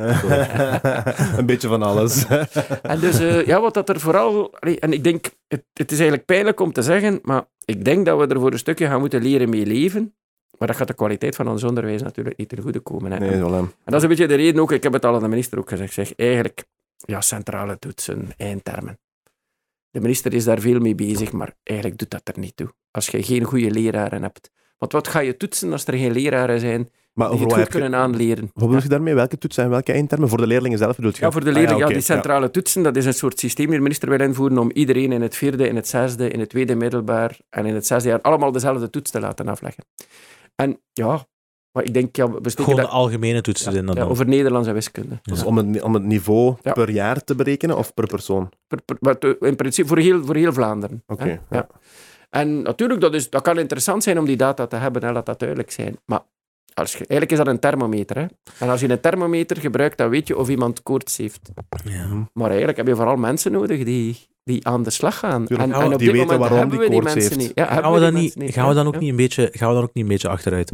Als we gaan kijken, bijvoorbeeld, eh eh, overlaatst eh, eh, zag ik dat eh, Belgische regisseurs, Adil El Arbi en eh Bilal Fallah, die, zijn momenteel, die hebben momenteel net eh, Batwoman geregisseerd. En zo naar en uit. Ja, dus Batwoman geregisseerd, eh, Bad Boys, die mannen die zijn binnen. Ja, dus die Ja. mannen die zijn binnen, die zitten momenteel in Hollywood. eh, Ja. Eh, Sip en en, pinatas. inderdaad. en dan, maar het is, dat is het creatieve gedeelte. En we hebben het over wiskunde en over Nederlands, maar eh, Adil en Bilal, eh, mochten zij die examens hebben gekregen in tweede of vierde of een zesde middelbaar, die gingen daar misschien moeite mee hebben, maar aan de andere kant zijn die wel Ja. heel ver geschopt. Ja. En dan, heb ik een, dan, dan kom ik eigenlijk op mijn vraag. We hebben zoveel talent hier op, eh, op, de, op, de- op onze Vlaamse bodem, maar ik denk dat we niet genoeg. er, allee, we, we investeren daar niet genoeg in, of we, gaan er niet, we eh, verdiepen daar niet genoeg in. Want die mannen, ik denk, als je dat aan hun gaat vragen, ik denk niet dat die gaan zeggen: We hebben zoveel steun gekregen dat we nog maar op een knopje moesten drukken en we waren daar. Ik denk dat die alles van Ja. de ground Maar ik, maar ik denk eigenlijk dat, ja, dat laatste beeld vind ik sowieso. Ik denk, wat wij vooral moeten leren is niet dat, dat leven niet is op een knopje drukken, maar vooral zelf weerbaar, veerkrachtig aan de slag gaan. En ons onderwijs heeft daar ook een opdracht in. En dat is een beetje de, de reden waarom ik heel die discussie rond het, ehm, het feit dat ons onderwijs achteruit gaat, dat, dat, dat, dat ik daar heel genuanceerd naar kijk. Ik denk inderdaad, taal, eh, wiskunde, wetenschappen, dat zijn belangrijke... Ja. belangrijke en, en die kennis, je hebt daar een belangrijke kennis nodig. Je moet ook voor een stukje daarmee aan de slag kunnen. En het feit dat wij in het internationale onderzoek achteruit gaan, daar moeten we iets mee doen. Ja. Maar we moeten er ons ook voor hoeden om het hele onderwijs daartoe te beperken. En dat vind ik een beetje te veel in de discussie vandaag. Het is als we plots op die PISA-toetsen, die PISA-toetsen, die wiskunde Mhm. en, en taalvaardigheid, Mhm. als we daar goed op scoren, dat de kwaliteit van ons onderwijs dan goed is. Nee, dat zou ik durven betwijfelen. Ik denk, Inderdaad. als we daar goed op scoren, is er een dimensie Mhm. van ons onderwijs goed. Maar Ja. het zou ongelooflijk jammer zijn mochten we het stimuleren van creativiteit. Hè, Dat is ook een beetje wat onze kunstscholen zeggen. Hè. Ja. Dat met de nieuwe eindtermen, dat er zoveel aandacht op de algemene vorming is, op, op vakken als Frans, op wiskunde, dat ze nauwelijks nog tijd zullen hebben om met dat creatieve bezig te zijn. Mhm. En dat is, een enorm, dat is een bezorgdheid die ik deel. Inderdaad, Hè? ja. Dus, je, dus dat dat je natuurlijk een aantal zaken moet kennen, kunnen. En van algemene vorming, ik ben de laatste om dat te betwijfelen. Ik ben ook de laatste om te betwijfelen dat we daar niet ambitieus mogen in zijn. Ik vind gerust dat we leerlingen wat mogen pushen daar. Ja. Maar het mag nooit ten koste gaan van de volledige breedte van een opvoeding Want we hebben getalenteerde Vlamingen. Hè? Ja, dus, of ja. waaronder, Ja. dus Adil en Bilal zijn maar voorbeelden. Hè? Ja. We, hebben, we hebben er van Genk, we hebben er van Antwerpen. Die er serieus, overal. inderdaad, die Ja. hebben op serieus wereldniveau ver hebben geschopt. Eh, maar ja, dus, dus, dus u vindt wel dat er, dat er daar ook meer aandacht En- mag maar aan dat is, eigenlijk, dat is eigenlijk de reden waarom wij ook naar het grondwettelijk hof getrokken zijn. Tegen de nieuwe eindtermen, dus de nieuwe minimumdoelen Ja. die de Vlaamse overheid op het onderwijs wil opleggen. Omdat precies wij vinden dat er te veel, ehm, te veel voorgeschreven wordt en, en, en, en, en dat het programma te druk is wat die algemene vorming betreft. Bijvoorbeeld voor onze kunstscholen, maar ook voor onze technische scholen. Hè. En Zodanig dat eigenlijk ja, jongeren die, die, die, die, veel breder geïnteresseerd zijn dan vooral die algemene vorming, die, die ook een, een beroep willen leren, die, die ook ja, meer in technologie, Mhm. eh, dat, dat daar voldoende tijd voor is. Hè, dat, dat, dat ze daar ook, of, of, of creatief willen aan de slag gaan in de muziek of in, in beeld eh, of drama, hè, dat, dat, dat, dat, dat we daar ook tijd voor hebben. Ja. Ja. Ja. Want dat Voldoende was bij tijd ons voor ook hebben. niet zo, denk ik. Hè?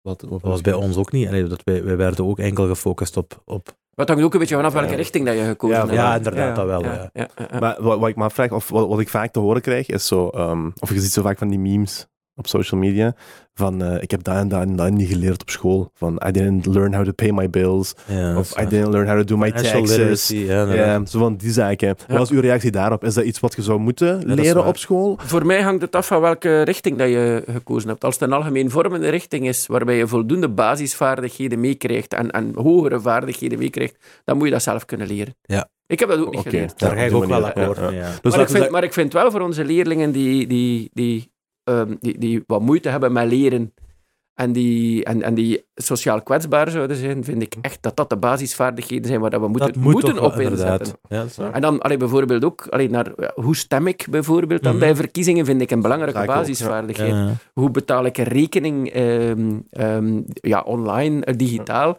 vind ik een belangrijke basis. Hoe, hoe bereken ik mijn inkomen in relatie tot een aantal uitgaven die ik heb? Zo'n Dat zaken, vind, ja. vind ik heel, heel belangrijk. Ook naar taal. Hoe, hoe kan ik teksten van een overheid proberen Ja, ja, te ontcijferen. Te begrijpen. Ah, ja. vind ik zeer, zeer belangrijke vaardigheden. Maar ik vind iemand die uit een ASO-richting komt, die moet, dat, die moet voldoende vaardigheden hebben om, Om mezelf dat... te ontcijferen allemaal. Allee, want We zijn met zwaardere dingen Ja, bezig ja, daar. ja, Ja, ja. Allee, omdat, omdat ik ook wel vind dat eh, op een bepaald moment... Het, Allee, we moeten ook een beetje oppassen met het onderwijs te, te belasten met alle praktische dingen die in een samenleving naar boven komen. Hè, bijvoorbeeld, allee, er, er, rijdt- er, er, kan niemand, er weet niemand nog wat de betekenis van een rood licht is, blijkbaar, hè, eh, in de praktijk. Dus we gaan op school extra verkeersopvoeding geven. En dan denk ik, Ja. ja, dat is allemaal wel goed. Op school leer je wat een Mhm. rood licht is. Hè. Maar als je met je ouders eh, op straat... En die ouders lopen gewoon door een rood licht als er geen auto afkomt. Dat maakt, dat maakt dat niet veel uit. Allee, en, en dat kun je ook van de school niet verwachten. Een school is geen opvoedingsbedrijf. Hè. Nee, nee. Eh, in een school kan er heel veel geleerd worden. Maar ik vind dat de samenleving ook een beetje moet oppassen met de verwachtingen die ze ten aanzien van de school heeft. Ehm, als je denkt van alles wat de ouders niet, niet meer doen, de school kan dat oppakken. Alles wat in de samenleving niet meer gebeurt. Mhm. eh, de school kan dat oppakken, dan het is gewoon dat- een foute verwachting. Ik denk dat dat gepaard gaat misschien met eh, het goede leven wat we in België hebben. Dat is dat school gratis Ja. is. En dat je daar eigenlijk niet voor betaalt. Dat het een beetje een... Ja, gratis. Niks is gratis.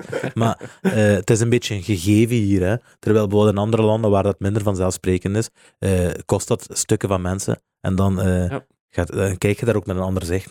Ja, maar ik heb ook het gevoel precies, hè, dat, ze- ik maak telkens zo de vergelijking met hoe wij dan vroeger op school waren. En hoe, hoe dan, ja, mijn vrouw is leerkracht, hè, mijn zus is leerkracht, eh, ik ken nog mensen leerkracht zijn, dus ik maak altijd die vergelijking. Ja. En ik heb echt het gevoel dat er vroeger, in onze tijd, veel meer vanuit onze ouders werd, werd bekeken van, oké, als uw leerkracht dat zegt, dan heeft uw leerkracht gelijk. Ja. En je moet luisteren naar uw leerkracht en klaar. Ja. We zijn uitgepraat. Terwijl het nu eerder is van, ja, maar hey, je, hebt, je hebt dat en dat en dat gezegd tegen mijn kind. Eh, dat klopt wel niet, hè. Eh, Ja, ja, ja. dat, dat, die, dat die zo opstandiger zijn naar de leerkrachten toe, precies. Maar ik, denk, Ehm, maar ik denk dat er nog heel veel ouders zijn die echt ook betrokken zijn. Eh, maar het is wel zo dat er ja, een, een, een zeer vocale minderheid is, hè, die, die, ja, die heel sterk ook ja, soms het gezag van leerkrachten eh, betwijfelt dat als ze iets zeggen. Ja. En het zal ook wel zo zijn, aangezien leerkrachten ook mensen zijn, Tuurlijk, dat, het is er, niet dat er altijd... nu en dan ook een keer iets gebeurt. Mhm. Maar een soort veralgemening van die tendens is wel heel schadelijk. Voor, eh, want als je, er is een opvoedkundige driehoek. Hè? Als je jongeren willen, en, en dat is, je hebt de ouders, je hebt de school, je hebt de samenleving. Mhm. En eigenlijk lukt de opvoeding maar als die drie wat op elkaar afgestemd zijn. Dat betekent niet dat er, geen, dat er niet een keer verschil van mening mag zijn. Dat En hoort erbij. dat, dat mag gerust. Maar, je, maar, maar het doel van die drie moet wel zijn, wij, wij begeleiden die jongeren naar volwassenheid. Ja. En op dit moment heb ik de indruk dat, wat, wat de samenleving betreft, en soms ook wat, wat ouders betreft, dat er te veel naar de school gekeken wordt, terwijl men de eigen verantwoordelijkheid daarin eh, soms wat ja. downplayt. Ja. En, en, en daar denk ik, eh, allee, dat, vind ik dat we, allee, als, we, als we het hebben over onze jong- bijvoorbeeld ook over dat mentaal welbevinden, hè, Mhm. ook daar hebben we alle drie een opdracht. Ja, inderdaad. Ja. Allee, want Het is gemakkelijk om je kind Ja. naar school te sturen en zeggen eh, alle psychologische, al- alle psychologische Ja. eh, trauma's die wij u hier hebben aangeleerd, eh, ja, los dat eens op. Ja, maar... ja, nu trek je het wel wat op flessen, maar ik begrijp. ja. We overdrijven graag hier, hè. Dat is waar. Om een punt te maken moet je soms overdrijven. Dat zult je toch ook wel doen tegen minister Wijt. Ik doe dat nooit, uiteraard. Eh, dan, is er één, dan is er één onderwerp waar we het nog niet over hebben gehad en dat eh, toch wel eh, dicht bij huis is, of eh, en toch wel belangrijk is in mijn ogen. En dat is, eh, er wordt genoeg over gesproken, of is genoeg over gesproken, dat is het hoofddoekendebat. Ja. Ehm, dus in de, in de lagere scholen of in de middelbare heb ik uit ervaring nu. Ik heb, ik heb op Bokrijk gezeten een aantal jaar. Ja. Een dikke esvol naar Bokrijk. Want dat was een van de scholen waar dan islamitische meisjes die graag hun hoofddoek eh, willen ophouden tijdens Ja. de spe- dus op de speelplaats of iets. eh, dat was een van de scholen waar het ging. En dat lokte dan ook veel mensen. Maar ik, vind, ik vond het altijd jammer. Ja. Ik vond het altijd jammer dat ze eh, beperkt werden eigenlijk. Ja. hè, omwille van hun geloofsuiting. En dan, we, we, hebben, het- we hebben het hier over man, vrouw, x. eh, dat hoort er ook een beetje bij. Hè? Dus het zou jammer zijn mocht, mocht er zoveel aandacht worden gespendeerd aan al dat. Terwijl eigenlijk, is het, we zitten hier al even mee en dat is nog altijd niet... ja, ja, ja. eh, zijn we nog altijd niet verder in. Hè? Dus op de middelbare scholen mocht je geen hoofddoek dragen. Waarom? Eh, dat is een, een teken van geloofsovertuiging, wat, eh, dat voor je persoonlijk leven. Maar dat is eigenlijk niet enkel een teken van geloofsovertuiging. Eigenlijk ben beetje- ik blij dat je de vraag stelt. Echt waar. Ehm, omdat ehm, ik, ik heb hier, hier... Hier moet ik een onderscheid maken tussen mijn persoonlijke Mhm. overtuiging, zowel als theoloog als als mens. Allee, Mhm. ook, ook als iemand die heel sterk met godsdienst bezig is. Ja. Hè? En mijn rol als directeur-generaal. Mhm. Ehm, en ik denk eigenlijk, in mijn, ik vind eigenlijk dat heel die discussie rond, eh, rond de hoofddoeken, dat dat een non-discussie is. Het is een stuk stof uiteindelijk. Dat is een non-discussie omwille van het feit dat dit inderdaad voor mij over een uiting van een geloofsovertuiging, van, van een uiting van een geloofsovertuiging is. En dat, ja, dat, er, dat er daar misbruik op kan zijn. Mhm. Maar goed, dat is met alles zo. Ja. Eh, Met, met kledingstukken, als er druk, als er sociale druk is. Maar goed, dan moet je leren, leerlingen leren om te gaan met die sociale druk. Ja, hè. En, en, en, dus, en dat geldt niet alleen voor hoofddoeken, dat was ook met, de, met, met, eh, met, met bepaalde mode, eh, is, is dat ook zo. Met bepaalde schoenen die moeten gedragen worden, met bepaalde jassen, Mhm. met bepaalde, ja, dat, allee, met, met, met de spaghettibandjes op scholen. Ja, ja. Eh, ook dat zijn, eh, zijn van die dingen. Zoals gezegd, leren omgaan of leren volwassen worden. Hè? Ja. En dat hoort En- allemaal en bij dus- de volwassenheid. In mijn... Allee, ik, eigenlijk zou ik zeer, zeer graag hebben dat al onze katholieke scholen de hoofddoek zouden toelaten. Ja. Eh, Vanuit mijn persoonlijke overtuiging. Als directeur-generaal heb ik moeten vaststellen dat er eigenlijk drie tendensen zijn in onze scholen. En dat die drie tendensen, ehm, ja, dat, dat die ook in discussie met elkaar eh, drie soorten beleid naar voren. Wij hebben een aantal scholen, het is niet de meerderheid, maar we hebben er een aantal, en ik ben daar heel blij mee, waar de hoofddoek toegelaten is. Ja, dus Bokrijk is daar eentje van. Ja, maar ook in, in Brussel zijn er een paar zo. Dus, ja. En ja, je ziet dat die, dat die wat meer moslimmeisjes aantrekken. Mhm. Eh, maar dat is niet altijd zo dat dat een soort hele allee, een volksverhuizing met zich meebrengt. Hè. Dus, eh, want ja, dat vrees je soms ook, dat je dan, dat je dan eigenlijk... Ja, een verdeling gaat ja, hebben. Ja, ja. Ten tweede hebben we een aantal scholen die, die het volledig verbieden. eh, op basis van een hoofddekselverbod. Mhm. Ik vind dat, ja, dan, maar dan moet je ook de mutsen verbieden, vind ik. Hè. Dan Ja, moet je ja, ook andere, en de ja. petten en zo. Hè. Ja. Ja. Dus, maar goed, als men dat consequent doet, oké, ja, dat is, dat is een regel zoals een andere regel. Goed gevonden. Ja, maar goed, ja, maar, maar- maar- nee, nee, maar als, men het, omweg. Ja, inderdaad. maar als, men het consequent, als men consequent is, is men consequent. Mhm. Ja. En een ander is eigenlijk, eh, en dat is een, eh, en, en daar wordt, ja, ik, ik denk in een aantal van onze Antwerpse scholen is dat zo, waarbij men zegt in de klas zelf, dat zien wij als de thuissituatie. Daar wordt, maar van als je de klas verlaat, en zeker als we op uitstap gaan en als we buiten de school gaan, dan eh, mag de, de hoofddoek gedragen worden. Ja, goed, kijk, dit zijn drie manieren om mee om te gaan. Ik heb gemerkt dat, zoals in de rest van de samenleving, ook in ons netwerk, eh, als je dit soort discussies voert, dat dat soms heel grote emoties eh, met zich teweeg brengt. Ik heb ook geleerd om de verschillende opvattingen daar te respecteren, maar Hm. in mijn persoonlijke eh, opvatting, ehm, en eigenlijk als, ja, als, als, als scholen daar vragen over stellen, is dat ook een beetje de insteek van waarin we met Katholiek Onderwijs Vlaanderen daaraan werken. Dat we eigenlijk zeggen van, kijk, ja goed, eh, waarom zou dit eigenlijk een probleem moeten Mhm. zijn? Zeker binnen het perspectief van de katholieke dialoogschool, eh, waar, waar, perspectief. waar, waar dat we eigenlijk echt proberen om vanuit de veelheid van levensbeschouwingen samen school te maken, ja, is dat toch een element dat eigenlijk zou, eh, Ja. zou, zou moeten minstens ter discussie gesteld kunnen worden. En waarom niet? Inderdaad. Eh, ja. Ja. En wat wat zijn dan zo meestal de, de argumenten die je hoort van de Ja. mensen die vinden dat er wel een hoofddoekverbod ik denk, zijn? maar dat zijn de, de argumenten die je ook in de maatschappelijke discussie eh, hoort. Hè. Eh, en, en dan gaat het eh, ja, vooral rond ehm, op dit moment. een van de argumenten is bijvoorbeeld als niet alle scholen ertoe overgaan, creëren we leerlingenstromen die, ehm, die, die niet opportun zijn. En ik heb daar eigenlijk wel een voorbeeld van, want er is een school in een Oost-Vlaamse gemeente, een heel kleine Oost-Vlaamse gemeente, waar het hoofddoek wel mocht. Dat was een TSO-BSO-school, dus technisch en beroeps. En men heeft daar de hoofddoek op een bepaald moment afgeschaft. Mhm. En eerlijk gezegd, ik kon de, direc- de directie volgen. Waarom?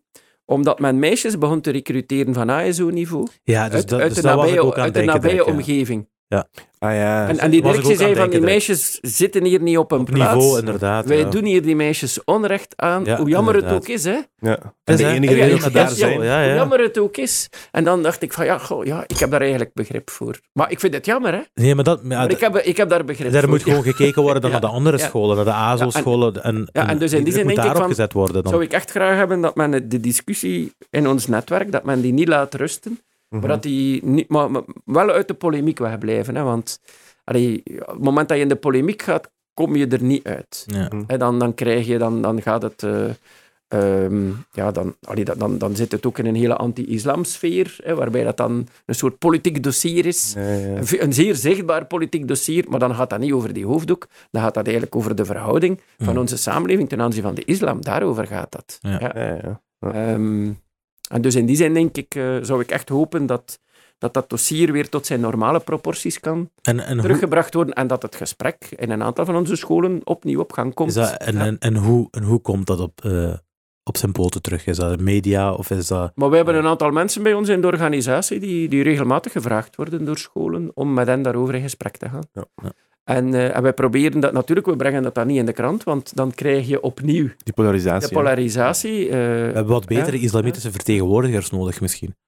maar goed, dan, dat vind ik aan de islamitische gemeenschap om, Ja, maar ik vind dat om, een om, om die basisrecht. hè. analyse te maken. Om die dat- analyse te maken. eh, ja. Het is een basisrecht een beetje wat wordt ontnomen. Ehm, Maar ik vind, allee, je levensbeschouwelijke kentekens mogen dragen om uiting te geven aan je eigen identiteit, dat vind ik ook een Ja. basisrecht. Ik heb het onderscheid gemaakt. Ja. Hè. Nee. Tussen, eh, en, en ja, wat dat betreft eh, hoop ik nog altijd dat, eh, ja, dat we daar toch nog wat vordering kunnen maken in ons netwerk van scholen. Inderdaad. Ja. Zeker als we, toch, eh, als we toch zijn aan het uitbreiden en, en alles, mogen we daar toch ook wel een blik naar toe werpen. Dus dat. Inshallah. Nee, nu we het er toch over hebben. ehm, je bent theoloog en katholiek uni- universiteit. Geen meer aan KUL z- zeggen. dus katholiek onderwijs Vlaanderen. Ehm, wat is er eigenlijk nog katholiek aan het onderwijs in Vlaanderen? Dat woordje nog staat mij een beetje tegen. Dus het is nooit katholiek geweest, wat je zeggen, of hoe? Eh, nee, nee, eh, maar wij hebben, eh, wij hebben acht katholieke scholen in Algerije. Oké. Dus Ja. België heeft... Nee, acht- nee, nee. nee. Eh, het- Ah. De Ja, katholieken, Er zijn acht de katholieken. ja. hebben dus, er zijn acht katholieke scholen in Algerije. Ja. Mhm. En de enige katholiek die in die scholen is de aartsbisschop van Algiers, die voorzitter is van de raad van bestuur. Alle anderen, alle anderen zijn moslims. en er is niemand die twijfelt aan het feit dat dat katholieke scholen zijn. Maar wat En, betekent en dat dan? dan Dat hier, en dan hier hebben wij een zeer gevarieerde Mhm. groep. Mhm. Wij, we hebben inderdaad wat leergeld moeten betalen om van ja, katholieke scholen met alleen katholieken Mhm. en een beetje minder katholieken. Want dat is de periode die we, eh, zou ik zeggen, in de 20e eeuw, de secularisatie. Ja. Nu, sinds het begin van de 21e eeuw zitten we eigenlijk in een nieuwe situatie waarbij het interreligieuze veel belangrijker geworden is. Hè? Waarbij je niet zomaar kunt zeggen, je hebt katholieken en niet meer katholieken, hè? wat vroeger Mhm. het geval was. Je hebt katholieken in alle soorten variëteit. Hè? Kinderen die nog een communie doen, en dat is de enige keer dat ze in de mis komen. Andere kinderen die nog met de grootouders regelmatig een keer meegaan. Ouders die zeer geëngageerd zijn Mhm. eh, in, in de parochie. Andere ouders die, die, die, die op het moment dat een begrafenis is, is het wel belangrijk vinden om nog... eh, of ja, ook, ook jonge mensen die, die, die, die wel katholiek opgevoed zijn, die zeggen, maar als we, Jehovah's, als, we trouwen, als we trouwen, willen we dat toch nog in de kerk doen. Hè, want gewoon op het gemeentehuis, dat is toch... En dus je hebt heel die hele grote variatie. Mhm. Je hebt dan een variatie van mensen die, die eigenlijk nog heel weinig ja, meegekregen hebben, of minstens dat niet geïntegreerd hebben, maar die wel actieve zinzoekers zijn. Eh, En die bijvoorbeeld, eh, de- ja, het feit dat er in de weekendbijlages in de krant zoveel over zingeving staat, dat zou daar niet staan, mochten er geen mensen zijn die daar actief naar op zoek Mhm. zijn. Hè? En, en dan krijg je soms, ja, ook de heksen bijvoorbeeld, hè, de, weet die Keltische spiritualiteit, dat Ja. komt dan in de krant. Ja, dat is omdat sommige mensen daar eh, ook, ja, het feit dat boeddhisme nu erkend zal worden ook als, eh, ja, de meeste boeddhisten, of boeddhist, maar dat zijn eigenlijk Vlamingen die een boeddhistische interesse ontwikkeld Mhm. hebben. Heb je natuurlijk ook de, eh, ja, het aantal, de moslims, hè, de- dus iedereen gaat ervan uit, denk ik, als je dat aan mensen zou vragen, hoeveel moslims zijn er in Vlaanderen? Ik denk dat een heel aantal mensen zou zeggen 20 Dat is 5%. Terwijl het is, ja, het is 5%. Ik denk de jongere generatie iets meer in scholen. Hè? 8% of zoiets, of ja, nog iets meer. Maar, maar, maar goed, het is, ja, maar, maar het is wel visibel. Mhm. En, en dat is een beetje waar, denk ik, waar wij in onze katholieke scholen, dat is dat project van die katholieke dialoogscholen, waar wij zeggen van, kijk, laat ons iedereen waar hij of zij ook staat, in gesprek brengen met elkaar over identiteit. Ja. Voor diegenen die, da, die daarvan weglopen, van die vragen, om te zeggen, ja, je kunt er eigenlijk niet, niet van weglopen.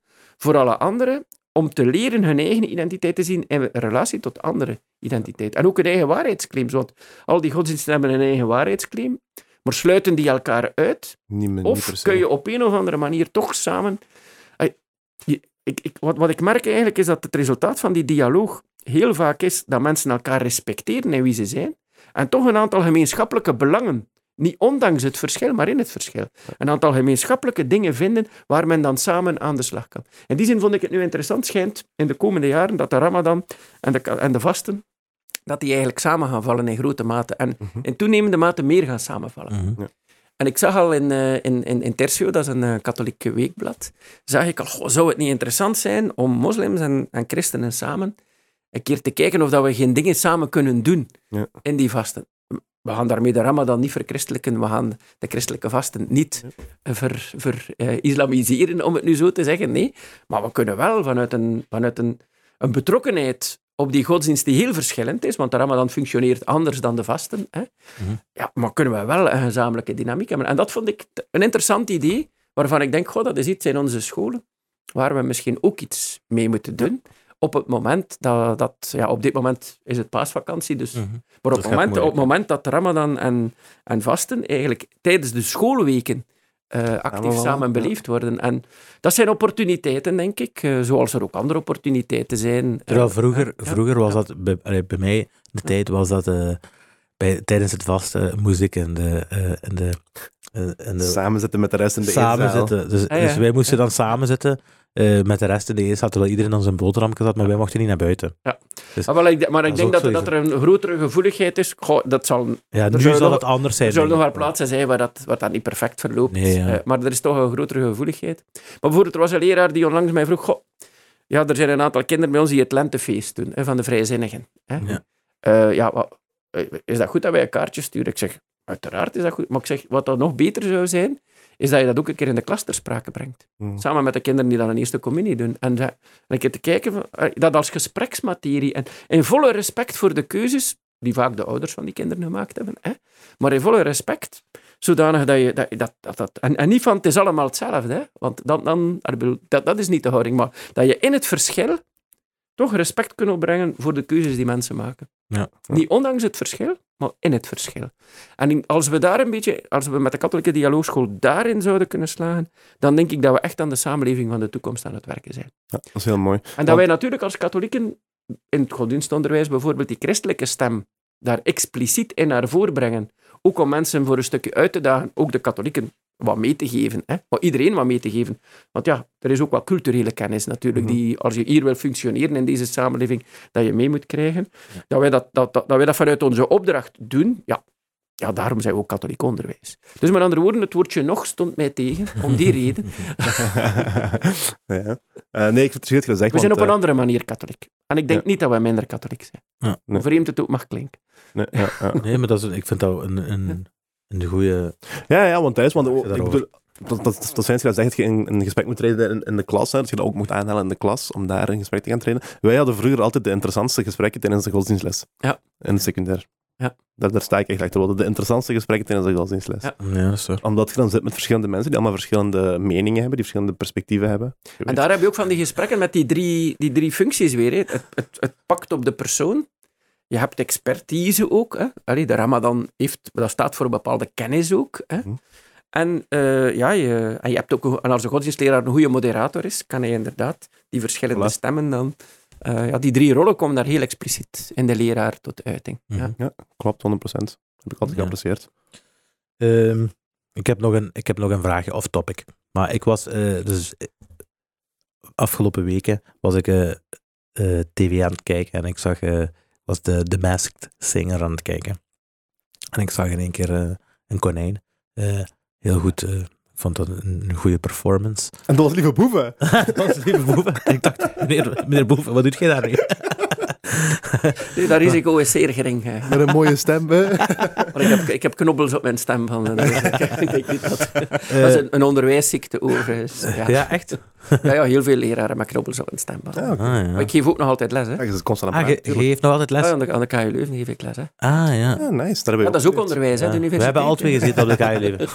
We hebben er al bij gezeten, ja. kan je leven. maar, nee, ja. Ehm, maar mijn vraag was dus, eh, uit de konijnenpak eh, sprong dan eh Conor Rousseau. Ja, ja, ik heb het niet gezien, ik heb het in de pers gelezen. Ja. Ehm, Dat is zo niet het programma waar ik... eh, nee, nu, Ik heb er totaal niet mee. nee, ik heb dat gewoon ingepakt. Ik heb dat ook niet gezien, ik heb het ook gelezen.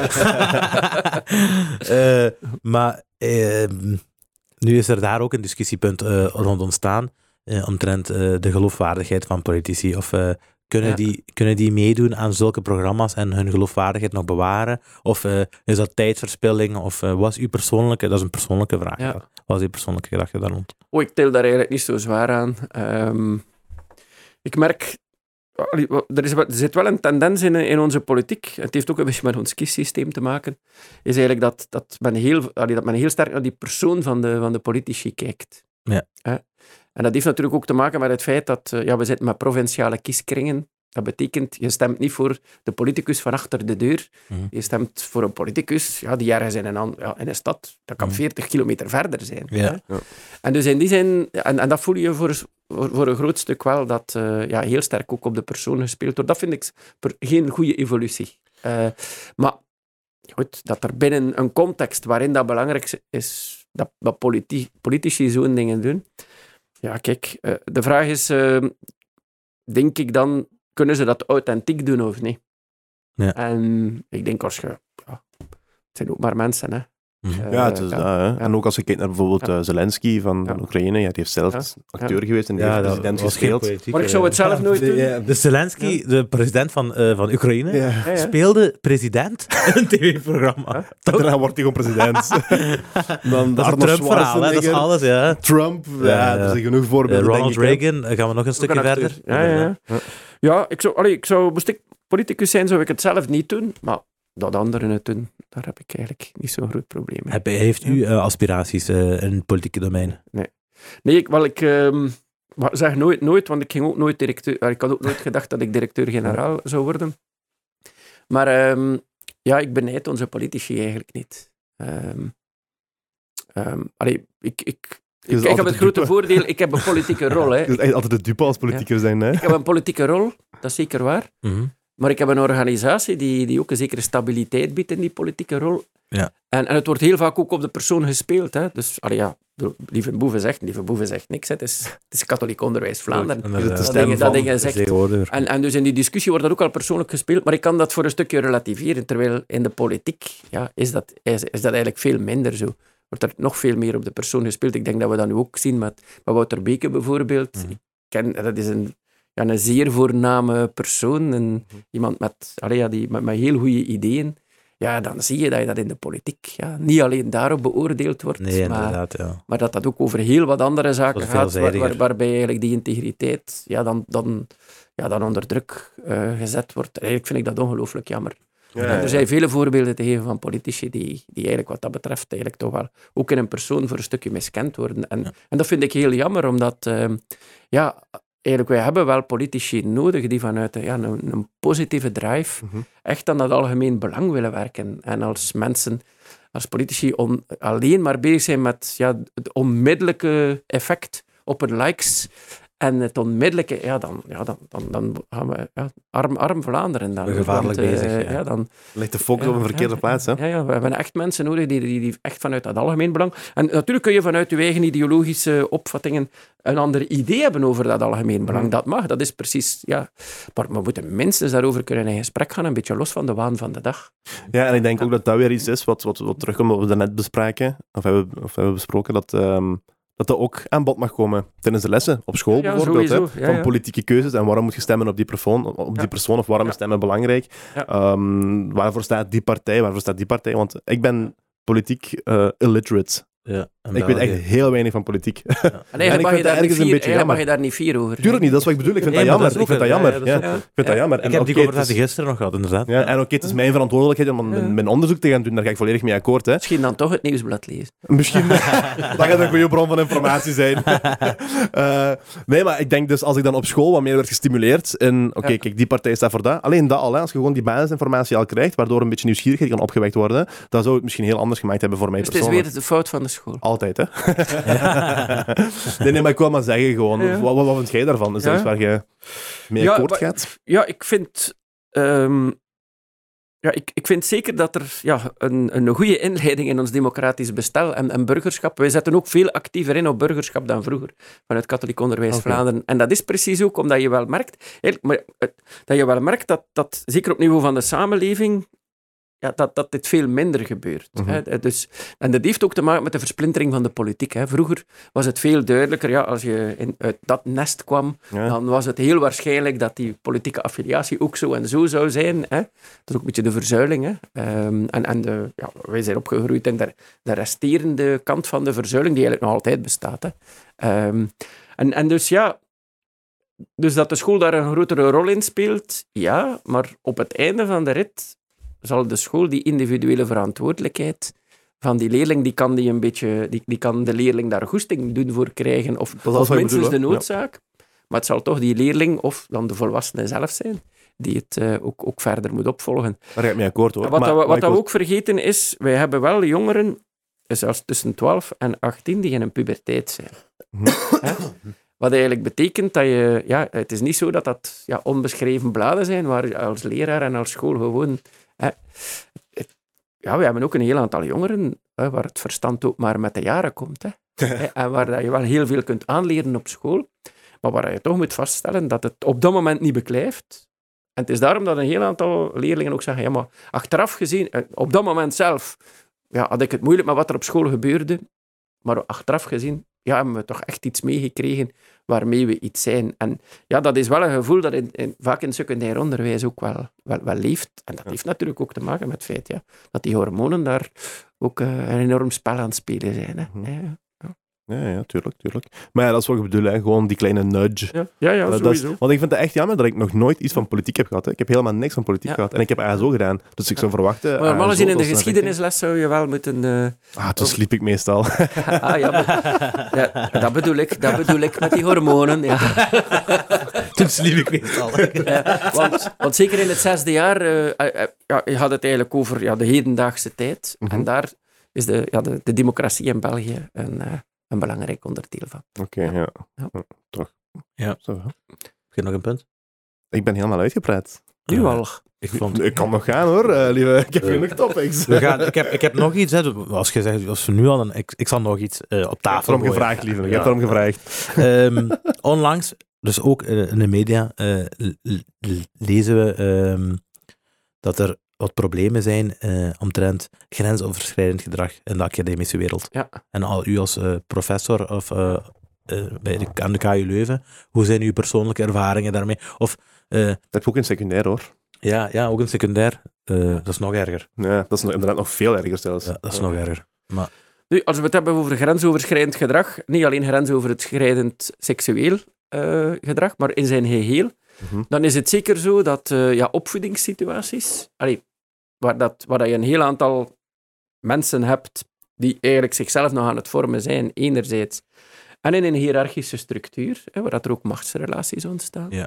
Ja, dat dat, Dat wel, dat, dat, dat dat eigenlijk situaties zijn waar dat je extra moet, moet oppassen en voldoende checks en balances hebben. Ja. Ehm, Dus daar- checks en balances zijn Ja, betekent verspreiding van de machten, een beetje.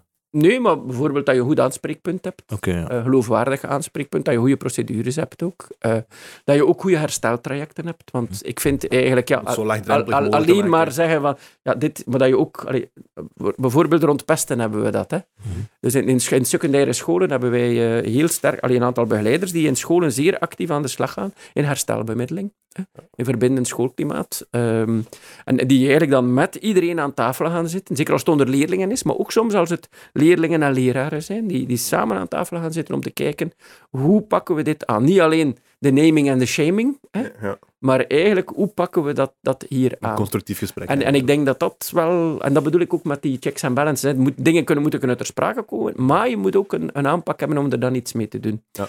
En natuurlijk, soms botst dat een beetje in onze samenleving ten aanzien van die naming en die shaming. Hè? En, en een meer juridisch verhaal ervan maken. Ik vind er zijn situaties waarin het juridisch moet worden. Als er misdrijven zijn, Mhm. hè, dan moet het juridisch kunnen worden. En dan moeten we niet een manier zoeken om dat eventueel op een andere manier te doen. Maar er is daar, voordat het juridisch wordt, is er een enorme grijze zone daarvoor. En daar vind ik, moeten we ook een aanpak voor hebben. Want als je dat juridisch la- laat worden, maak je het misschien erger dan het is, ook al, al kan het erg zijn. Hè? Ehm, maar, maar werk je niet automatisch aan een herstel. Ja. En uiteindelijk moeten we, allee, moeten we als samenleving wel samen verder kunnen. En je kunt niet iedereen gewoon uitsluiten die, die op een of andere manier eens iets fout gedaan he- heeft. Want er zijn er ook gradaties in. Ik vind, nog Ja, een keer, ik vind wel... Als, het is als, belangrijk dat we dat eh, ja, ik, ik nuanceren. vind wel, als er, als er misdrijven gebeurd zijn, als er Ja. echt on, ontoelaatbaar gedrag is van een mate dat je zegt van ja, dit wordt juridisch, dan moet je het ook juridisch kunnen Inderdaad. laten zijn. Of moet je minstens tuchtprocedures hebben waarbij er ook expliciete uitspraken zijn, Voilà. waarbij slachtoffers ook, ja, eh, ja, ook kunnen zeggen van kijk, ja, inderdaad, er is hier zeer doortastend opgetreden, wij hebben gelijk gekregen, er is, daar, eh, er is een tuchtmaatregel om, dat moet kunnen. Maar er is daar een hele zone voor waarbij ik vind dat ook zaken al ter sprake moeten kunnen komen Mhm. en er herstelgericht moet kunnen gewerkt worden. Dus- en soms moeten mensen ook gewoon niet overdrijven, vind ik persoonlijk ook. Ja, maar het is inderdaad. Het is Maar, maar ik belangrijk vind dan vooral dat we... dat, dat het gesprek kan gevoerd worden, want wanneer weten wij wanneer iemand overdrijft? Inderdaad, ja. Soms is het ook omdat men vaak nooit gehoord geweest is, dat men het wat extra aanzet. Eh, maar ja, goed, het nooit gehoord worden is het probleem dan, hè? niet het extra aanzetten. Klopt. En, en, dus, en ik vind ook ja, dat we. Ja, ik denk wel in de situatie waarin dat we nu zijn, dat een soort betrokkenheid op de klacht en niet proberen dat onmiddellijk al ja, En zo, allee, zei van, goh, ze zullen wel overdrijven. of Zo. Ja, ik, ik denk dat we echt wel gevoelig moeten zijn nu. Nee, nee, En- ja, ja, en- ja, sowieso. en Ja, zorgen ja, dat we- ook niet op die manier, hoor. Nee, en, Nee, en, en, dus en- van, en- zodra er echt en, en, grensoverschrijdend en vooral, gedrag en ik zeg, die, check, dat checks, Inderdaad, die ja. checks en die balances, dat dingen ter sprake kunnen komen, dat er grondig kan afgetoetst worden, dat dat ook in, in een zekere autonomie kan gebeuren ten aanzien van die hiërarchie die er is, Mhm. dat vind ik wel, wel belangrijk. Ja, die, het, is, het is die hiërarchie ook Ja. eh, wat, wat eh, daar een enorm grote rol speelt. Dat, is wat het complex maakt meestal. Laten we zeggen, vrouwelijke studenten die zich, eh, die zich niet niet verplicht voelen, maar die het moeilijk vinden om eh, niet in te gaan met de communicatie met bijvoorbeeld, ik zeg maar, een professor die, eh, die handelingen doet die eigenlijk ongepast zijn, ja, ja. maar dan dat de student denkt van, ja, ik moet hier wel mijn punten nog halen. Ja. Ja, of ook medewerkers, hè, die, Of medewerkers, die, die, ja. nog- die, die op tijdelijke contracten zitten. En die, Of inderdaad, ja, ja, ja. voilà. Maar ik vind eigenlijk dan, eh, want ja, ik heb aan de andere kant gezeten. Allee, ik zit nog altijd aan de andere kant. Je hebt aan beide kanten gezeten, hè? Ja, ja, dan, dan denk ik wel, allee, ja, dat daar een extra gevoeligheid voor ontstaat. Dit Mhm. is echt ook wel nodig. Eh, ehm, een extra gevoeligheid voor ja, dat soort situaties, een soort fijnzinnigheid van dat je daar ook weet mee om te gaan als prof dan. Mhm. Mhm. En ik vind dat een instelling, eh, een universiteit, dat ook actief moet stimuleren, Ja. die, die gevoeligheid. En ehm, ja, ik denk dat we... Allee, ik denk dat je dat niet zomaar blauw-blauw kunt, kunt, kunt, kunt laten. Wordt daarover gecommuniceerd vanuit de KU Leuven naar de Ja, ja, ja, professoren ja, toe? Ja, ja, ja, ja, ja. Hoe wordt dat dan gedaan? onlangs- Worden jullie dan eh, op, het matje geroepen of wordt er echt... eh, Nee, nee, ik denk op dit moment is er, eh, is er, is er communicatie rond de, de checks en de balances. ja. Ah ja, oké. Wat het meldpunt is. En het is ook wel goed dat dat nu en dan een keer herhaald wordt. Inderdaad, ja. Het is ook zo dat de KU Leuven al heel lang een ombudspersoon heeft ook. Mhm. Eh, allee, dus eh, dus allee, wat dat betreft denk ik dat eh, de KU Leuven wel een aantal dingen reeds gedaan heeft. Maar goed, ja, als het in de, de media komt en als, er, eh, ja, als, er, als, als, de gevoelig, als het gevoel leeft van er zou meer kunnen gebeuren, Mhm. dan denk ik ook dat het aan de KU Leuven is. En ik denk dat de huidige rector dat ook opgenomen Ja. heeft. Hè, om dan inderdaad te kijken, hoe pakken we dat hier met ons allen, want het is een gezamenlijke verantwoordelijkheid. hè. Mhm. Hoe pakken we dat met ons allen beter aan? Ja. Sense, hè. Eh, ehm, ehm, als we toch nog bezig zijn. Eh, ja, dat is een oud onderwerp, hè, maar ik, zou ook wel graag horen wat u ervan vindt. eh, van, ehm, allee, een oud onderwerp. De studenten, do- de dopen van de, van de Ah, studenten. juist. Ehm, we hebben daar eh, een van de ergste verhalen eh, Ja. Sandra die? mogelijk. Ja, Sanda, Sanda Dia. Sandra die. Eh, dat is een van de ergste verhalen mogelijk hè, als ouder om te horen. eh, of eh, dat, je- dat je denkt dat u, mijn kind die zit daar niet veilig. Ja. En wij hebben dat zelf ook. ge- nu, ik heb nooit meegedaan, maar we hebben dat wel gezien. Hè. ja, in Leuven, in Leuven, zie je, in Ja. Leuven zie je dat gebeuren. Hè. Ja, ja, ja. Eh, maar je denkt dan niet dat het eh, tot die. Tot, dat het zo ver gaat. ja. Eh, en wat zijn, uw, wat zijn uw bevindingen daarvan? Ja. Of wat zijn uw gedachten daarover? Nu, ik kwam uit een, eh, uit een studentenkring in onze tijd, waarbij er heel, heel veel mensen van jeugdbeweging waren. Mhm. En eigenlijk, de doop, want ik heb wel mijn doop meegedaan, dat was eigenlijk meer een studenten... Een, een jeugdbewegingsactiviteit, met eh, de spelletjes van de Zoals het hoort te zijn, Ja. eigenlijk. Eigenlijk zoals het hoort te zijn, een mooie integratie. Een soort integratie van... eh, en natuurlijk hadden we ook een vijf nadien, en we hadden ook een Peter en een meter. En, Ja, ja. eh, en hadden wij... ik weet niet of dat wij veel eieren en bloem hadden. Ik herinner mij daar niks van. Ik denk het eigenlijk niet. hè. Zeker, zeker niet die smeerlapperij. Dat je alle soorten brouwsels moet drinken en zo. Dat is vreemd. Al dat soort dingen was er niet bij. Dat was echt eigenlijk een plezante jeugdbewegingsactiviteit. Ehm, Je mag, eh, misschien dat, je- dat ze dat best kunnen veranderen door, door huishoudelijke taken te doen of zo. Weet je wat ik wil zeggen? Dus Dan eh, jij, moet nu, jij moet nu eh, het park eh, aan de, aan de eh, faculteit rechten gaan, gaan poetsen. Ja. hè, eh, eh, ja, maar, maar, maar zelfs dat, allee, pff, goed, als dat moet. Ik vond eigenlijk die jeugdbewegingsactiviteit waarbij eh, eigenlijk de, de, voldoende. de doop eigenlijk een soort grote integratie is. Hè. Daar gaat het Als, als, om, jonge, als jonge Uit, ja. student in een, in een bredere kring. Voilà. Dat zou het eigenlijk moeten zijn. En ik denk, ja, we hebben nu die doopreglement en ik denk dat dat ook de juiste manier is. Ja. Maar nog een keer, er bestond reeds een doopreglement, Mhm. maar als een studentenclub Daar buiten houdt, dingen gaat doen, ja, dan is u als, als, ja, als instituut, ja, ja, je kunt er ook niet overal aan en bij zitten. Hè. Dus, eh, Ja. dus uiteindelijk gaan we toch altijd ook moeten erop wijzen dat er ook individuele en collectieve verantwoordelijkheid is van diegenen die zo'n activiteit organiseren Ja. collectief dat je, dat je dat binnen de juiste setting doet, maar ook individueel, als het niet binnen de juiste setting gebeurt, ja, dat, je, dat je daar ook ja, Ja. ja, weerbaar genoeg bent om daar tegen, tegenin te gaan. En ja, je kunt dat institutioneel kun je dat proberen te faciliteren, kun je daartoe op te roepen, bijvoorbeeld hè, met een doopreglement. Maar het zijn die drie dimensies die wel belangrijk Ja, zijn eh, om, om ja, mogelijk eh, ja, andere want, nieuwe wantoestanden om die te voorkomen.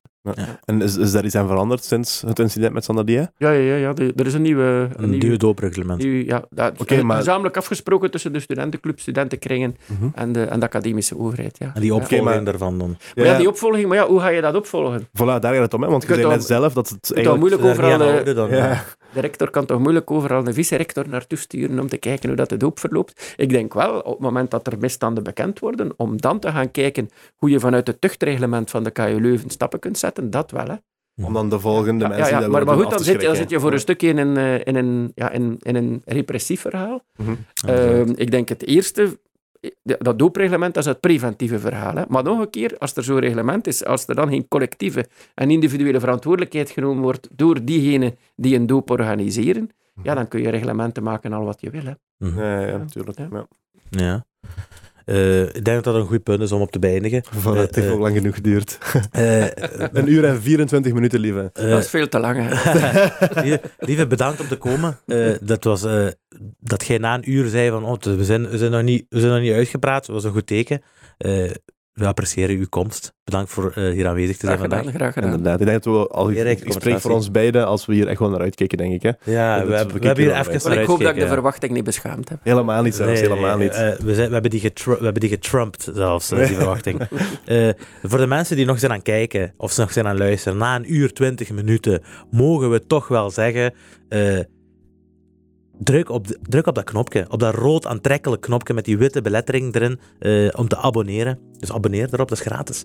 Eh, en dat is gratis. Ja, dat is toch. Ehm, eh, als, je nog niet, als je het nog niet weet, we zijn ook te beluisteren op Spotify en overal waar je je eigenlijk je podcast eh, kunt opvinden. Dus Spotify en. Apple Music. Ja, ja, of overal. nee, dat is niet waar, dat is niet overal. Er zijn nog plaatsen. Maar eh, toch de voornaamste. Laat, een reactie, laat een reactie achter. We zien dat graag. We, re- we re- we reageren daar misschien niet zo vaak op. Dat is waar. Maar we zien dat wel graag. En we doen ons best om daarop te reageren. Eh, maar voor de rest, eh, bedankt voor het kijken. En nog een fijne avond. Inderdaad. Cheers.